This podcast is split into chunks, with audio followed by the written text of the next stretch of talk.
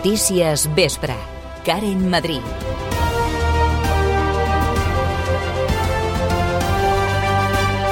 Els empleats administratius, el personal de neteja i els peons de les indústries manufactureres són els més demandats al Vallès Occidental. Júlia Ramon, bona tarda. Bona tarda, Karen. Segons un rànquing de la Diputació de Barcelona, el personal administratiu amb tasques d'atenció al públic ocupa la primera posició, amb un 8,5 de la demanda.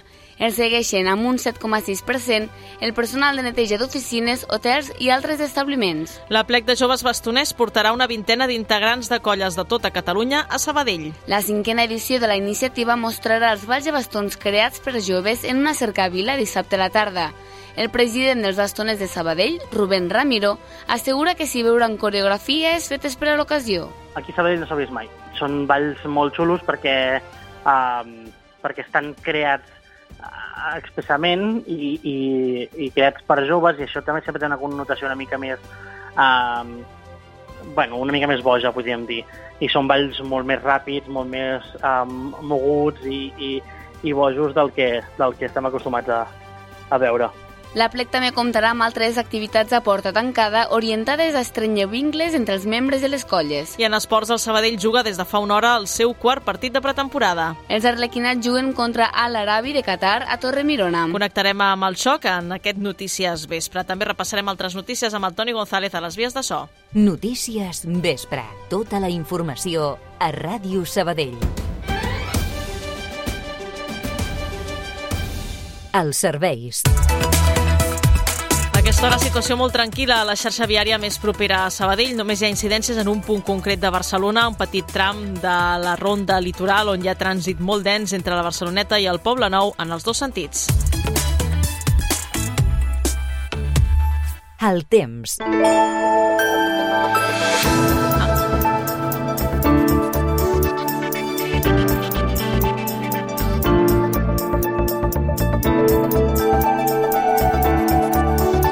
Lleugerament les temperatures. Ara mateix tenim 28 graus, dos graus més que hi ha aquesta hora. Què hem d'esperar de cara a les pròximes hores? Li preguntem a l'Ariadna Coromines. Bona tarda.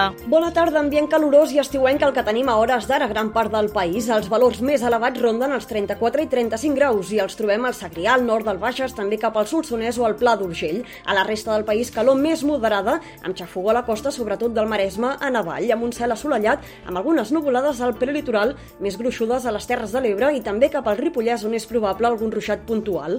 En vista aquesta propera nit, costarà una mica més de dormir, sobretot a les viles costaneres, mentre que esperem un ambient més agraït i un punt fresc a l'interior, amb un cel gairebé tot ras a Catalunya. I si ens fixem en dimecres, la notícia serà la remuntada dels termòmetres. Les màximes s'aproparan als 38 o 39 graus al Pla de Lleida, als 35 a les valls del Prepirineu de Lleida o als 34 de l'interior de Girona, amb una xafogó una mica més intensa i feixuga a la vora del mar. Veurem un cel enterbolit per la presència de polsim saharià i al final del dia acabaran arribant algunes tempestes desfetes acompanyades de ventades de l'Aragó a terres de Ponent. Us seguirem informant.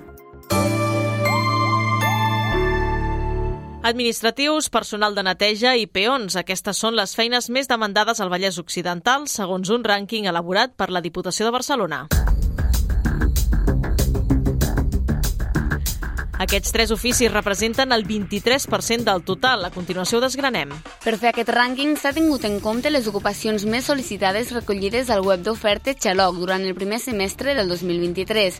Recordem que aquesta pàgina gestiona més de 1.000 ofertes i va rebre gairebé 4 milions de visitants únics l'any passat. Així doncs, les feines més demanades en el primer semestre del 2023 són administratius amb feines d'atenció al públic, amb un 8,59% de la demanda, personal de neteja, el 7,62%, i peons de les indústries manufactureres, un 6,8% més. I la resta?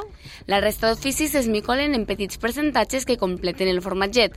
La veritat és que són molts i molt diversos i la majoria del sector terciari. Però sí, com sigui, els serveis locals d'ocupació van facilitar 18.760 insercions laborals a la Diputació de Barcelona, un 10% més que en el mateix període de l'any passat. I a la nostra comarca més concretament? Doncs si tenim en compte les dades per territoris, la comarca del Vallès Occidental se situa com a líder pel que fa a les comarques amb major inserció, concretament amb un 26,2% i seguit de l'Alt Penedès amb un 25,5% i el Garraf amb un 25,1%. El Taulí segueix reforçant l'àrea de salut mental del centre. L'Hospital Sabadellenc ha anunciat avui que la doctora Virgínia Sòria és la nova directora del Servei de Psiquiatria per Adults del centre. Psiquiatra de professió, Virgínia Sòria es posa al capdavant del nou Servei de Salut Mental d'Adults al Parc Taulí. Concretament, el nou càrrec de Sòria és el de directora de les àrees comunitàries i d'hospitalització psiquiàtrica d'adults. Com dèiem, Sòria és una psiquiatra amb una llarga trajectòria, com per exemple exercint durant 23 anys a l'Hospital Universitari de Bellvitge, on va compaginar la seva tasca assistencial amb la docència de la UB i la investigació a l'Institut d'Investigació Biomèdica de Bellvitge. Amb aquesta incorporació, el Parc Taulí segueix reforçant l'àrea de salut mental. Sota la batuta del doctor Diego Palau, un equip multidisciplinari de professionals treballa en diferents branques d'aquesta àrea, des de les urgències de salut mental per adults a un nou servei de salut mental infanto-juvenil que encara està per estrenar. Ràdio Sabadell. Notícies Vespre. Una vintena de bastoners de vuit colles diferents seran aquest cap de setmana a Sabadell per participar en el cinquè aplec de joves bastoners de Catalunya. La iniciativa arriba a la ciutat després de passar en edicions anteriors per Salou, Lleida, Sant Hilari i Súria. I està orientada en forti vincles amb els bastoners d'entre 19 i 35 anys, com ha apuntat el president dels bastoners de Sabadell, Rubén Ramiro. Abans, les colles tenien molta relació entre si, però la gent de les colles tenia poca relació amb la gent d'altres colles i alguns joves que ens vam anar coneixent i tal, vam dir, hòstia, doncs, fem alguna cosa per potenciar uh, aquesta interacció, no? I que ens coneguem com a mínim entre els joves. Si els adults no volen, doncs ho fem els joves. I va sortir aquesta idea de fer un aplec. Uh, ho vam proposar a la coordinadora i la coordinadora ho va, ho va veure bé i, i vam fer el primer aplec el 2017, em sembla que va ser, a Salou. En aquesta edició, però, els assistents s'han reduït respecte a les anteriors. Ramiro ho atribueix a diverses raons. S'ha fet a Lleida, s'ha fet a, a Sant Hilari, s'ha fet a Súria, vull dir, no, no crec que sigui el fet de, de fer-ho aquí a Sabadell ni la data, perquè sempre és el segon cap de setmana d'agost. Però suposo que sí que aquest any doncs, la, la gent ha, doncs, ha tingut altres prioritats. També és veritat que estem vivint també un relleu generacional dins del propi aplec perquè els que ho vam començar a organitzar fa sis anys, doncs ara ja som, tots estem al voltant de, de la trentena, i llavors ara hem de generar com el relleu per a que la gent de, dels 20 i pocs agafi uh, aquesta, aquest comandament per organitzar els seus propis aplecs. En tot cas, el moment culminant del plec serà la cercàvila de dissabte, que sortirà de la plaça Doctor Robert i recorrerà els principals carrers del centre. El principal atractiu de la proposta serà la possibilitat de veure balls creats per a l'ocasió.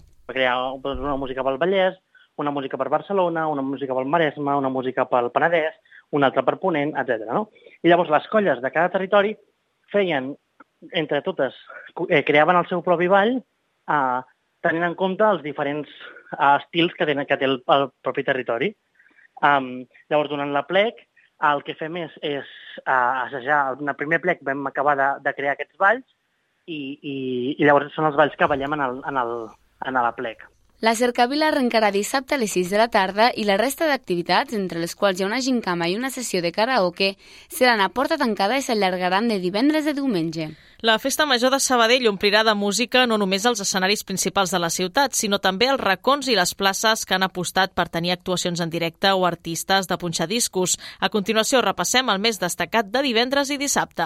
Voy pico y para, si muero hoy me voy al Valhalla, no he cambiado enero para nada. El sabadellenc Mónica Quema, que acumula més de 17 milions de visionats d'aquest pico i pala, serà el divendres a l'espai concert de l'Eix Macià. El mateix lloc on el dia abans haurà passat el Vapari Tour amb el gran Germán i els locutors de Flashback. A la plaça de la Creu Alta, divendres començarà el Festival Sabadell Acció Musical 2023 amb els grups emergents Substratum, Coherence, Flamsteed, Casparrata i Disaster Jacks. El Sunfest electrònic de El Templo serà al carrer de Montlló i Pujal, amb els DJs Yo-Yo Sound, Sagatula, Minino, B2B, Johnny G. Good, Insolid, B2B, Numax i Rayvon. També Lito, Alejandro Molina, Callers, Keith Leon, Jordi Pla, Urac, Marcus Reeves i Len Guatet, entre d'altres. A la plaça de Sant Roc, Lluís Coloma, en Hits Musical Troops XXL, presenta el seu nou CD Trip to Everywhere.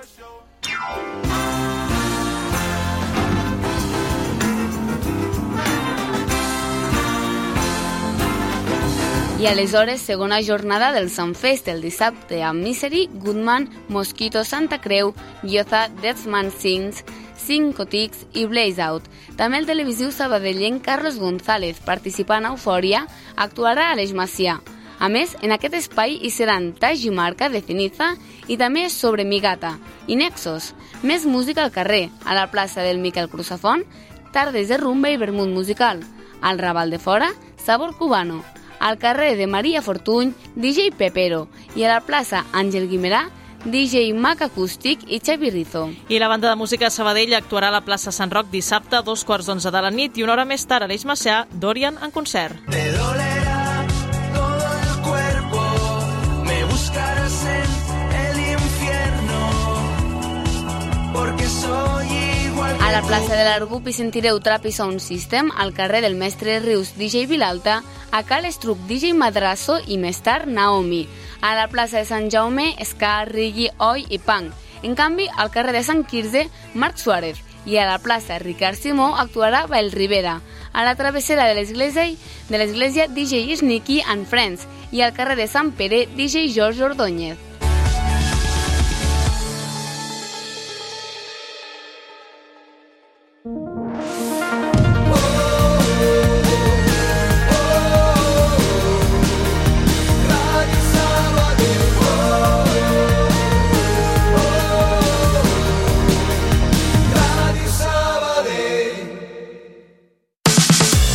Coneixes l'app de Taximés? Descarrega-te-la i reserva un taxi còmodament des de la nostra app. Més informació a taximesapp.com. Taxi! Ràdio Taxi Sabadell, el teu taxi de referència a Sabadell. Ràdio Sabadell. Notícies vespre. Fora de Sabadell i la comarca. Els bombers han donat per extingit l'incendi de Portbou i de Colera. El cos l'ha donat per extingit a la una del migdia després que no es registressin ribafalles des de diumenge.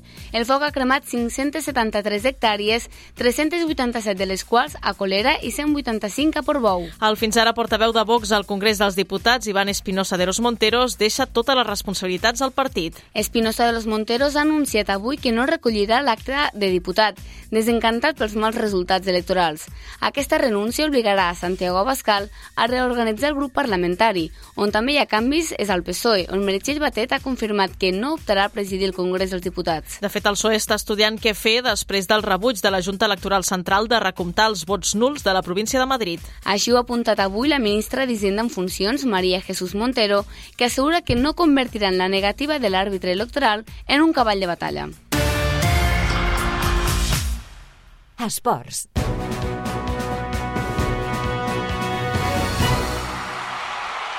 Des de les 6 de la tarda està en marxa a Torremirona, a Navata, el quart partit de pretemporada del Centre d'Esport Sabadell contra l'Al Arabi de Qatar. Allà hi tenim el Sergi Parc. Bona tarda, Sergi, com va el partit? Què tal, Karen? Bona tarda. Arribem en aquests moments al minut 13 de la segona part i de moment a l'Arabi i Centre d'Esport Sabadell que empaten a un després dels gols de la primera part de Biel Ferrés, que ha avançat el conjunt arlequinat estrenant-se amb la samarreta del Centre d'Esports rematant a boca de canó uh, una centrada des de la banda dreta. A continuació, l'Arabi ha empatat ja en el tram final de la primera meitat amb una volea espectacular amb cama esquerra d'Em Sagni. El Sabadell que ha anat de més o menys durant els primers 45 minuts.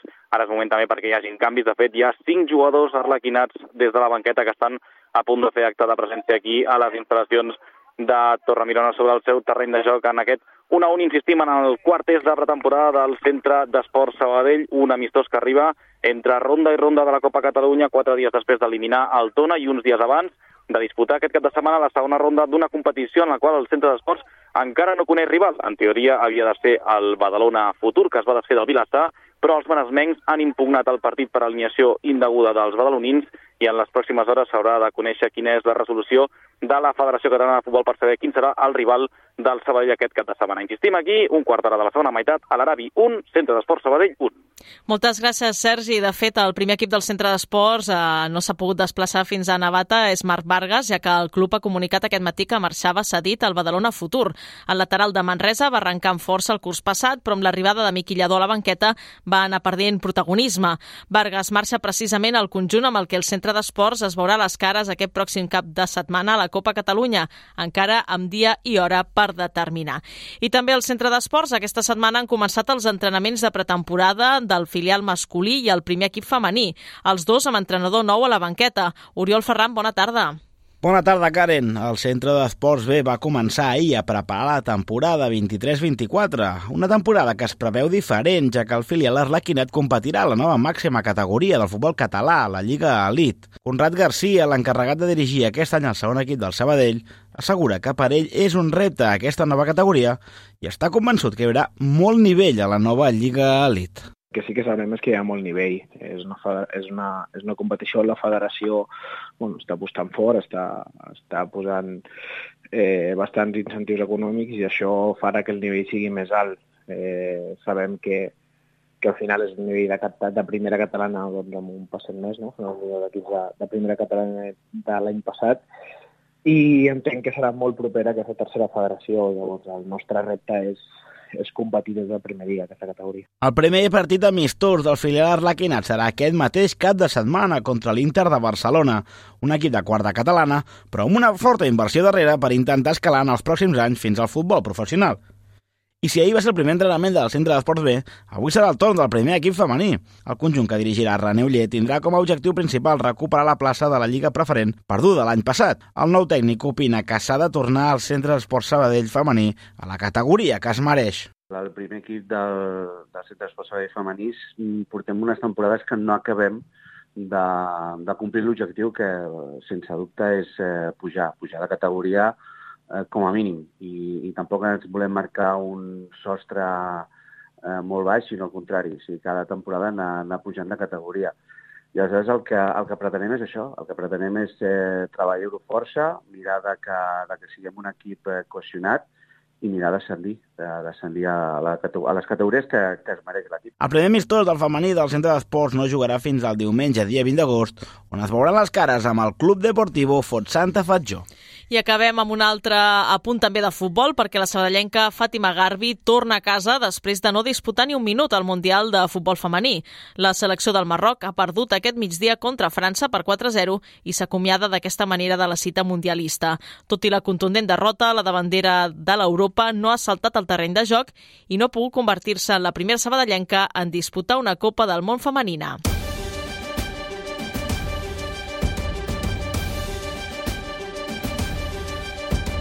Passen 3 minuts d'un quart de vuit, posem punt final al Notícies Vespre d'aquest dimarts 8 d'agost, recordant-vos que tot el que us hem explicat ho podeu trobar a radiosabadell.fm. Tornem amb més notícies al 94.6, demà a partir de les 10 amb els butlletins horaris i a partir de les 2 amb el Notícies migdia. Que acabeu de passar un bon dia, adeu-siau. Allà on siguis, escolta'ns online. En directe.radiosabadell.fm